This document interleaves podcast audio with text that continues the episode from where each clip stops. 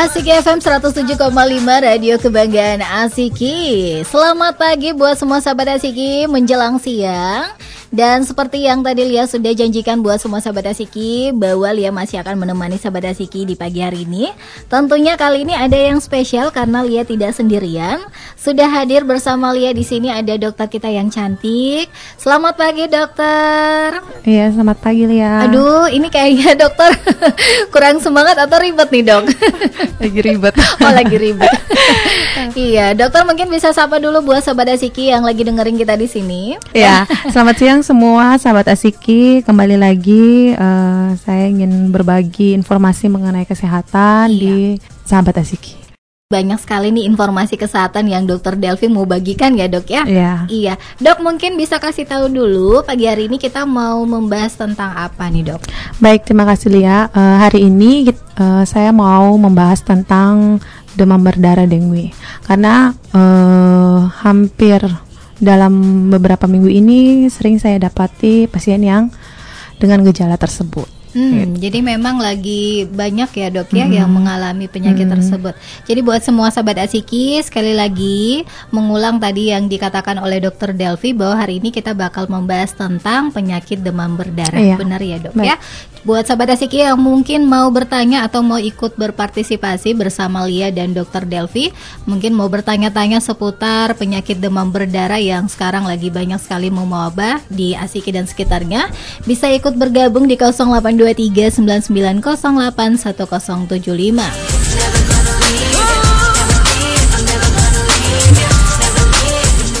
Dan sahabat Asiki, sebelum kita lanjut nanti di inti talk show kita di pagi hari ini, kayaknya Lia mau spesialkan dulu satu lagu biar kita makin semangat lagi ya, Dok. Dan ini ada lagu dari GAC dengan Bahagia. Pagi-pagi harus tetap bahagia sahabat Asiki, biar bahagia juga kita bisa tularkan kepada orang lain. Satu lagu yang mantap banget sahabat Asiki dari GAC alias Gamaliel, Audrey dan Cantika yang tadi Lia sudah spesialkan buat semua sahabat Asiki biar makin semangat lagi ya di pagi hari ini dok. Mm -mm, dok, gimana dok? Masih tetap semangat dong? semangat, semangat, semangat, semangat. Wah, Dokter Delvi ini mungkin karena pengaruh sudah lama ya tidak talk show bareng kita di sini.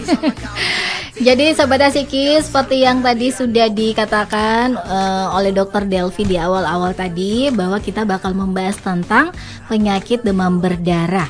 Nah, dok ini kita langsung aja ya, yeah. langsung langsung aja. Jadi kalau yang tadi dokter juga sempat sebutkan bahwa memang di Asiki sekarang ya lagi yeah. banyak sekali ditemukan penyakit demam berdarah. Yeah. Mungkin dokter bisa jelaskan dulu nih, biar sahabat Asiki juga yang ada di rumah juga bisa tahu apa sih itu uh, eh, DBD atau demam berdarah itu sendiri. Ya, baik. Terima kasih. Uh, jadi demam berdarah ini adalah penyakit menular yang disebabkan oleh virus. Ya, virus yang ditularkan melalui nyamuk ya namanya nyamuk Aedes aegypti yang sering e, menimbulkan wabah dan bisa menimbulkan kematian kalau tidak ditangani dengan baik.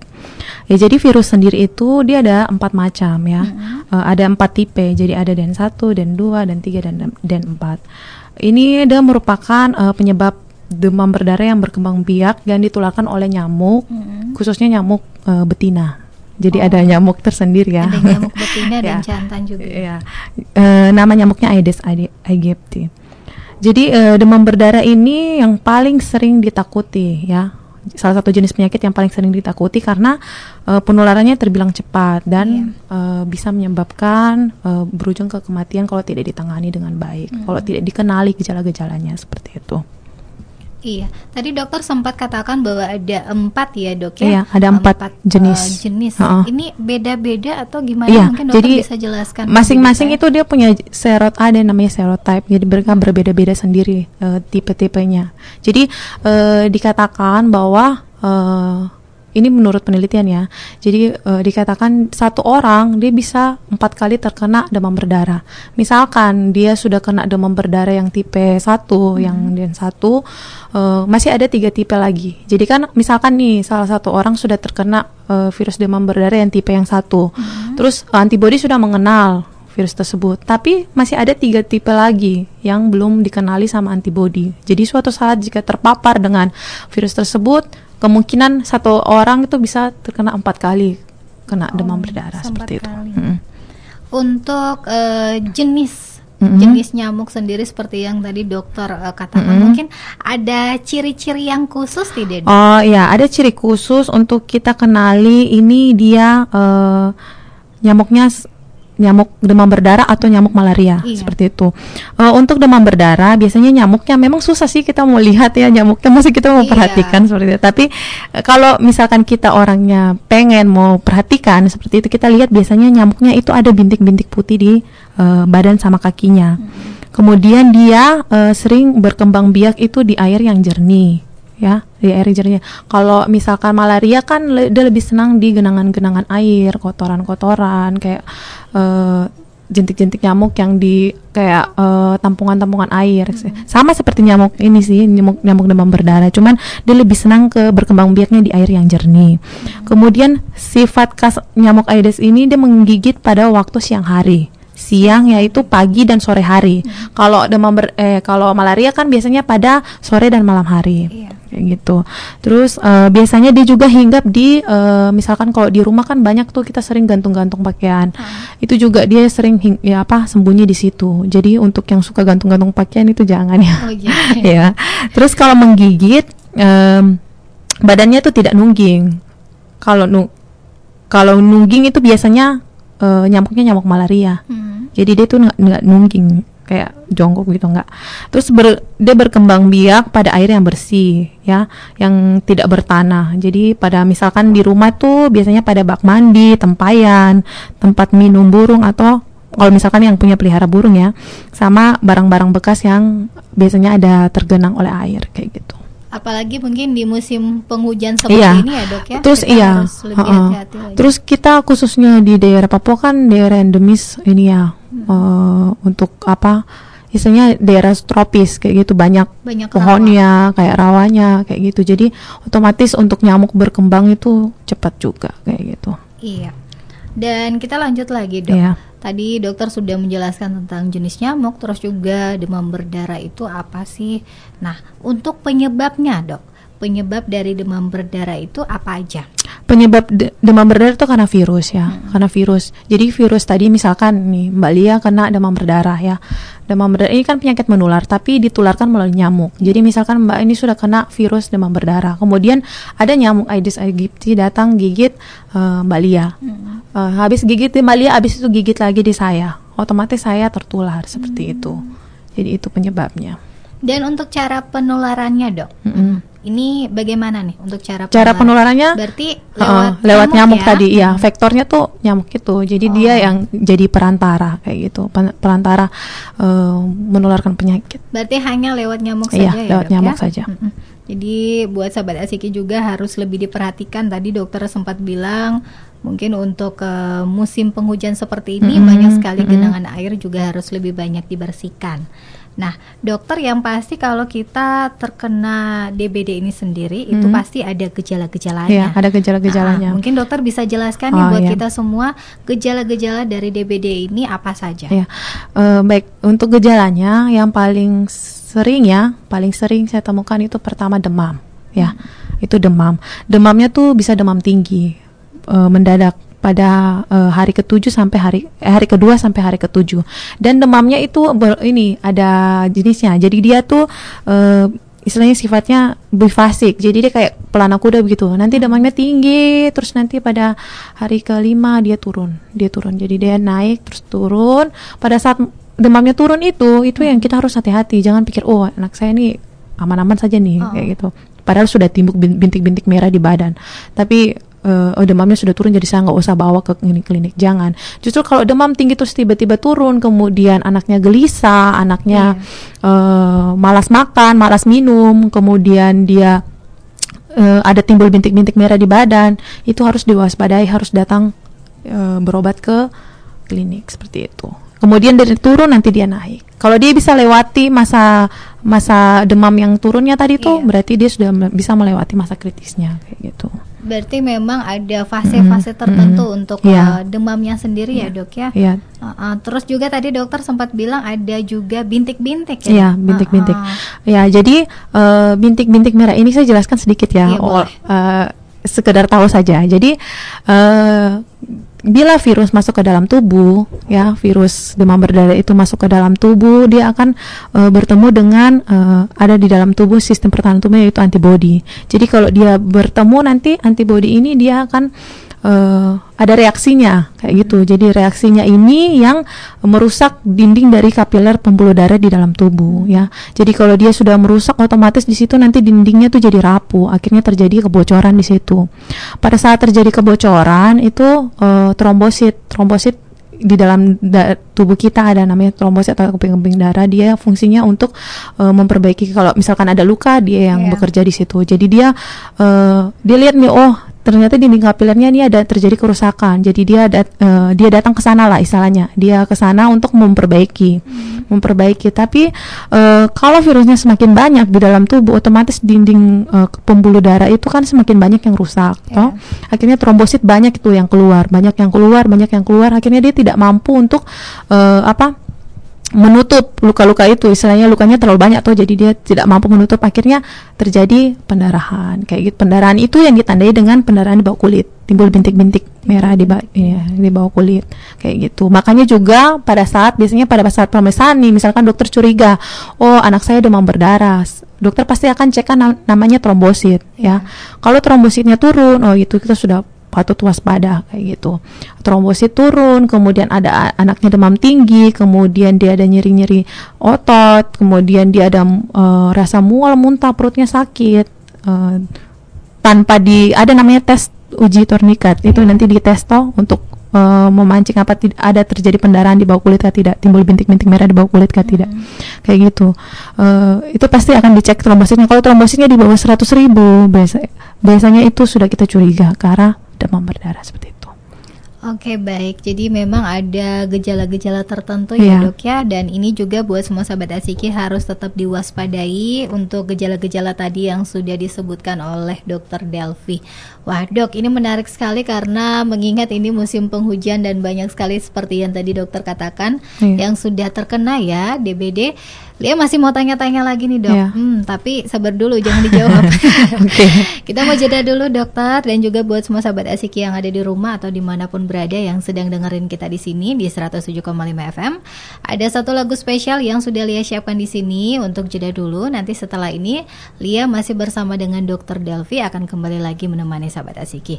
Masih bersama Lia dan juga dokter Delvi sahabat asiki dalam talk show kita di pagi hari ini tentang kesehatan lebih khususnya tentang penyakit demam berdarah ya dok ya yang sedang mewabah di seputaran Asiki dan juga sekitarnya.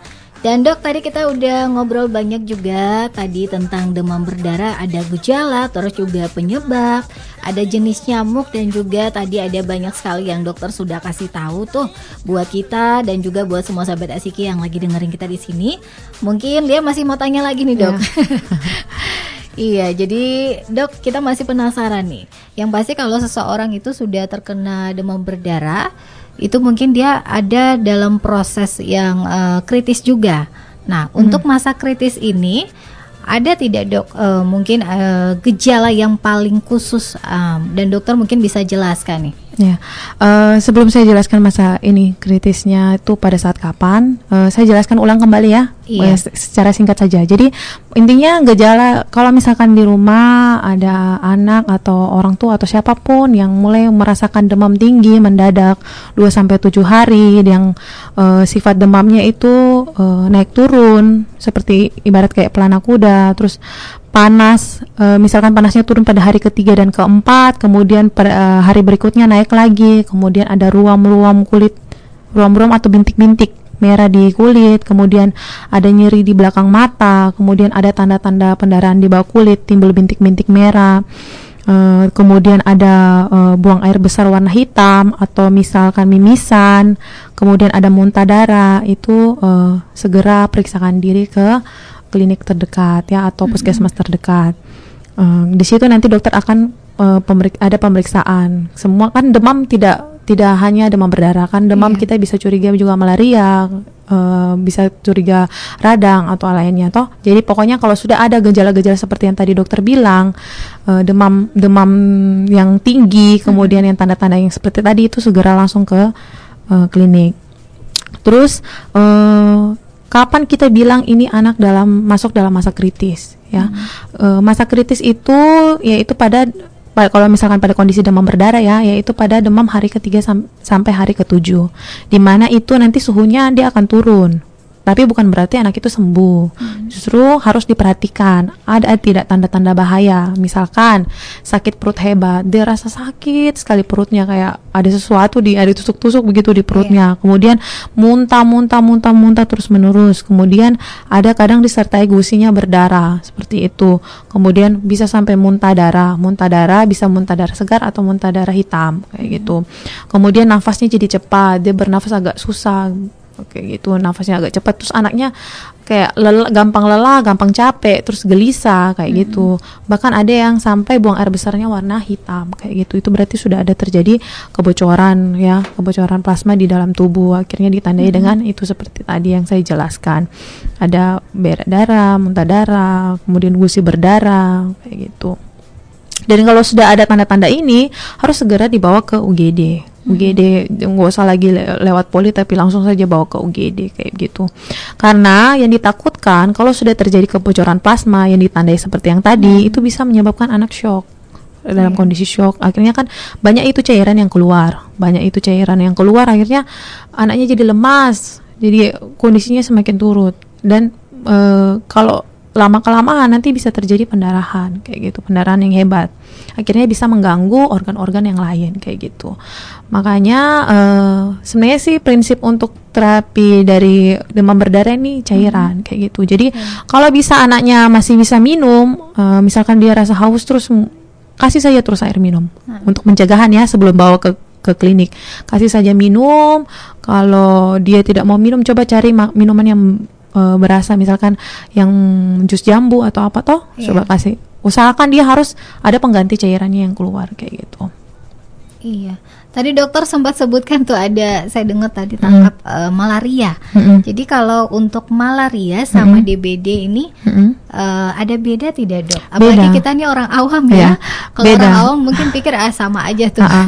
Kalau malaria penyebabnya otomatis yang lain ya, disebabkan karena plasmodium. Kalau ini demam berdarah kan karena virus. Tapi memang gejala awalnya tuh sama-sama demam kayak gitu. Jadi nanti kalau kan ini orang awam nggak tahu nih, usah Iya. demam, oh jangan-jangan saya malaria atau saya demam berdarah. Jadi untuk memastikan apa dia demam berdarah atau malaria ya harus datang ke klinik kayak gitu atau ke puskesmas yang ada fasilitas kesehatannya, misalkan ada dokter, ada perawat. Bi- Jadi biar nanti dokter atau perawat yang memilah oh ini karena demam berdarah atau tidak kayak gitu. Iya, apalagi orang awam tuh paling Iya. kalau sudah demam dibilang oh ini malaria Iya. nih. Padahal kan tidak tahu. iya, padahal belum Iya. dicek juga. Ah, Dan memang banyak belum ada kesadaran dari masyarakat juga ya dok ya untuk eh, segera periksakan kesehatan mereka. Iya. Nah, kalau sampai sudah terkena nih dok untuk eh, penyakit DBD ini sendiri, yang pasti mungkin kalau belum yang terkena, untuk pencegahannya nih Oh gimana, Dok? pencegahan ya. Ya jadi eh, yang paling utama sih sebenarnya pencegahan ya. Biar jangan sampai masuk ke demam berdarah Ah, ya. Lebih baik mencegah daripada mengobati. Mengobati. Ya. Eh, jadi ada pencegahannya yaitu pertama kita harus menjaga hygiene tubuh kita ya. Hygiene tubuh kita untuk supaya daya tahan tubuh kita juga bagus. Kemudian ada gerakan 3M 3M. ya mengubur, menguras dan eh, menutup kayak gitu. Jadi misalkan gini di rumah kan kita ini prinsipnya kita eh, sebenarnya kalau tidak ada perantara nyamuk ini kan penyakit itu nggak bisa ditularkan. Iya. Eh, jadi kita istilahnya kita basmi lah itu nyamuknya kayak gitu dengan 3M tadi gerakan 3M. Eh, pertama, kalau misalkan di rumah punya eh, bak mandi atau tempat penampungan air atau apa itu eh, itu paling tidak tuh harus dikuras kayak Iya. gitu. Jadi jangan ditinggal berbulan-bulan atau itu akhirnya nanti coba perhatikan nanti ada jentik-jentik nyamuk yang ada di situ. Eh, itu kita harus ini dulu basmi dulu itu kita bersihkan lah istilahnya toh supaya jangan dia jentik nyamuknya jadi, jadi nyamuk jadi nyamuk ya. Kita tidak tahu nanti jadi nyamuk demam berdarah kah atau jadi nyamuk malaria.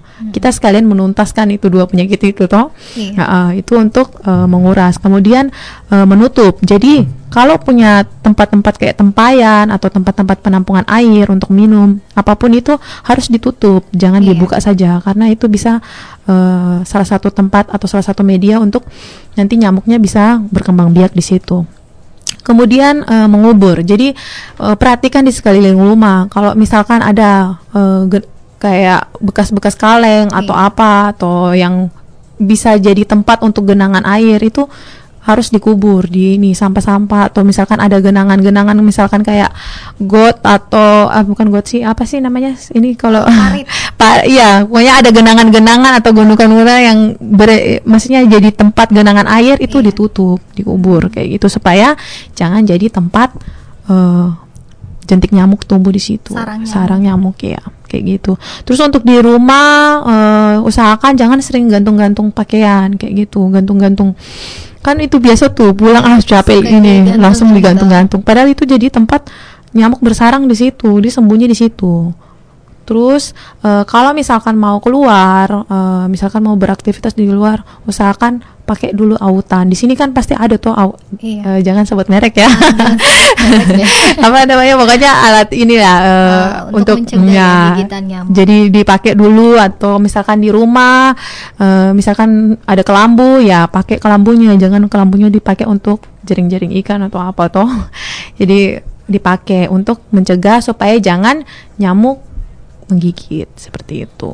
Iya, untuk pencegahan nih dok, hmm. uh, adakah uh, apa ya uh, kegiatan pencegahan dari klinik sendiri mungkin yang sudah dilakukan untuk oh. daerah Asiki dan sekitarnya nih. Ya, jadi kan uh, kemarin kan kita sudah dapat kasusnya, kemudian kita laporkan ke hmm. puskesmas, dari puskesmas melaporkan ke dinas kesehatan. Hmm. Jadi mereka ada langkah yaitu fogging, jadi ada dilakukan fogging. Jadi untuk uh, himbauan juga buat masyarakat, kalau misalkan ada pencegahan seperti fogging gak usah takut ya hmm. gak usah takut justru itu membantu supaya jangan anak-anak kita atau kita sendiri terkena, terkena. ini apa nyamuk tersebut karena itu seperti kembali penyebab itu sebenarnya itu tidak dia nggak akan menular kalau tidak ada iya. nyamuk tidak ada perantaranya seperti itu jadi nyamuknya yang harus dibasmi seperti itu Hmm, jadi memang sudah ada tindakan mm -hmm. sebenarnya yeah. dari klinik sendiri ya yeah. untuk pencegahan uh, eh, DBD ini sini supaya jangan sampai terjadi atau juga mungkin bisa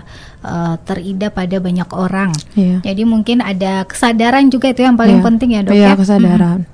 Untuk kasus DBD sendiri dok di wilayah Asiki, Prabu dan sekitarnya, kira-kira nih sudah berapa banyak sampai dengan hari ini dok? Ya mungkin lebih dari Ya saya tidak terlalu tahu ya, tapi ah, kira-kira oh, ya mungkin deh. sekitar lebih dari 10 lah. Dari Dan 10. ada beberapa yang memang sudah uh, sudah dirujuk ke Merauke, tapi ya puji Tuhan mereka bisa kembali dengan kondisi yang sehat. Yaitu karena kita tahu dari awal kayak gitu. Hmm. Mereka lebih uh, apa? Lebih aktif lah lihat kondisi anaknya, kondisi diri sendiri untuk lihat toh oh enak saya nih oh ada gejala-gejala yang dokter bilang tadi oh saya harus segera kayak gitu. Biar jangan terlambat masalahnya kalau sudah terlambat datang kita juga bingung kayak gitu, iya. gitu mau bikin apa. Toh karena sudah masuk ke kondisi yang shock kalau misalkan kayak gitu su ini setengah mati kayak gitu. Jadi, jadi harus, kalau memang udah ada gejala harus hmm, segera harus segera biar klinik. cepat ditangani kayak gitu. Iya. Jadi sahabat Asiki itu tadi dia sudah dijelaskan banyak sekali oleh dokter Delvi tentang bagaimana upaya pencegahan terus juga tentang masa kritis dan juga apa saja sih uh, tadi tanda-tanda ya ketika dalam masa kritis dan semoga juga itu bisa kita laksanakan dan kita dengarkan juga. Jangan sampai hanya dengar aja tapi tidak dilaksanakan ya dok. Iya iya. Masuk dok, telinga kanan uh, kiri. Masuk telinga kanan keluar telinga kiri katanya uh. dokter nih aduh. Jangan sampai deh. Dok kita mau jeda dulu. Nanti mm -hmm. setelah ini sahabat asiki nanti bakal dikasih tahu oleh dokter Delvi tentang kesimpulannya yeah. tentang uh, talk show kita di pagi hari ini. Ada satu lagu spesial sahabat asiki dari Sherry Bell dengan Diam-Diam Suka. Dan setelah lagu ini Lia masih bersama dengan Dr. Delvi Kembali lagi menemani sahabat Asiki semua dalam talk show kita di Semangat Pagi Lagu dari Sherry Bell Sahabat Asiki dengan Diam-Diam Suka Sudah menghibur kita semua Di pukul 11 ya lewat 50 menit waktu Indonesia Timur dan sahabat Asiki sebelum kita menutup talk show kita di pagi hari menjelang siang ini mungkin ada yang mau disampaikan dulu nih oleh Dr. Delvi tentang kesimpulan talk show kita uh, untuk penyakit DBD di pagi hari sampai dengan sudah hampir siang nih.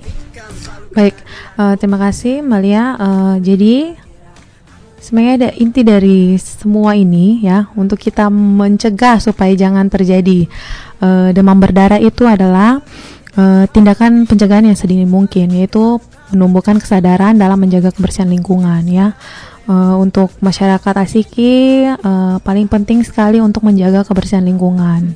Karena dengan kita menjaga kebersihan lingkungan dan kita melakukan gerakan 3M tadi, itu merupakan salah satu cara yang paling efektif untuk menekan perkembangbiakan dari nyamuk pembawa virus demam berdarah tersebut. Ya. Jadi dengan kita menekan, jadi kita bisa menurunkan juga angka kejadian uh, demam berdarah. Dan untuk masyarakat juga kalau misalkan ada didapati gejala-gejala seperti yang tadi dokter jelaskan, yeah. segera mungkin memeriksa diri ke dokter sehingga uh, tidak sampai jatuh ke kondisi yang semakin parah. Dan kalau sudah kondisi semakin parah, kembali lagi dokter jelaskan nanti susah untuk hmm. ditangani lagi. Jadi sebelum sampai jatuh ke yang lebih parah, kalau sudah ada gejala-gejala seperti tadi, langsung sudah segera. Kan klinik tidak jauh toh? Iya. Hmm, langsung itu. su, sahabat Asiki datang yeah. ke klinik Asiki, apalagi klinik kita sudah sangat lengkap ya, yeah. dok ya. Jadi jangan tunggu parah dulu hmm. baru datang sahabat Asiki. Aduh, ya ampun, jangan ya. Yeah. Dan terima kasih banyak untuk Dokter Delvi yang sudah bersama Lia di talk show pagi hari tadi sampai sudah bersiang ya dok ya. Hmm. sudah mau jam 12 aja nih. Mungkin nanti di lain kali kita masih akan ketemu lagi dok. Masih ya, kasih masih lagi, banyak ya, yang akan disampaikan. Yang pasti juga buat semua sahabat Asiki juga terima kasih banyak yang sudah setia dengerin kita terus di sini. Dan sahabat Asiki setelah ini masih terus dengerin kita di sini karena Lia masih akan menemani sahabat Asiki dalam program Asiki Oldies. Ada yang spesial lagi pastinya pokoknya hari Sabtu ini banyak yang spesial. Jadi buat semua sahabat Asiki dengerin kita terus di sini di 107,5 FM atau juga di www.asikifm.com.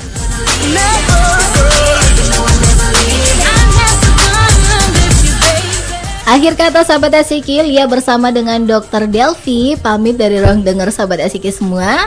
Selamat siang buat semua sahabat Asiki. Iya, selamat siang juga buat sahabat Asiki semua. ya ampun. Dan sampai jumpa lagi di program selanjutnya. Bye-bye dada buat semua sahabat Asiki. Janganlah kau ragu, kau ada di hatiku. Aku ini milikmu.